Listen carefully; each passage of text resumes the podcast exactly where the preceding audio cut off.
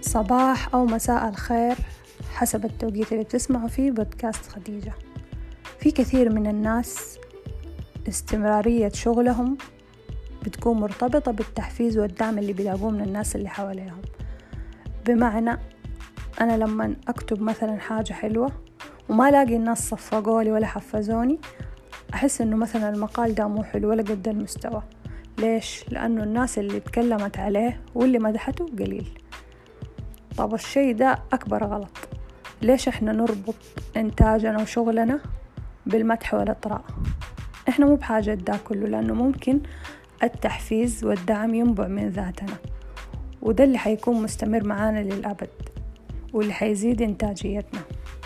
يعني كمثال اليوم لما واحدة فينا أو واحد فينا يحط صورة شخصية له على ال social media وما يلاقي لا لايكات ولا كومنتات تحفزه. هل معنى إنه الصورة دي إذا ما لقت لايكات ما هي حلوة؟ أو الشخص ده ما هو جميل؟ طبعا لا. فلازم الثقة تنبع من الداخل والتحفيز والدعم ينبع من الداخل ونكون إحنا الناس الأوائل اللي ندعم أنفسنا.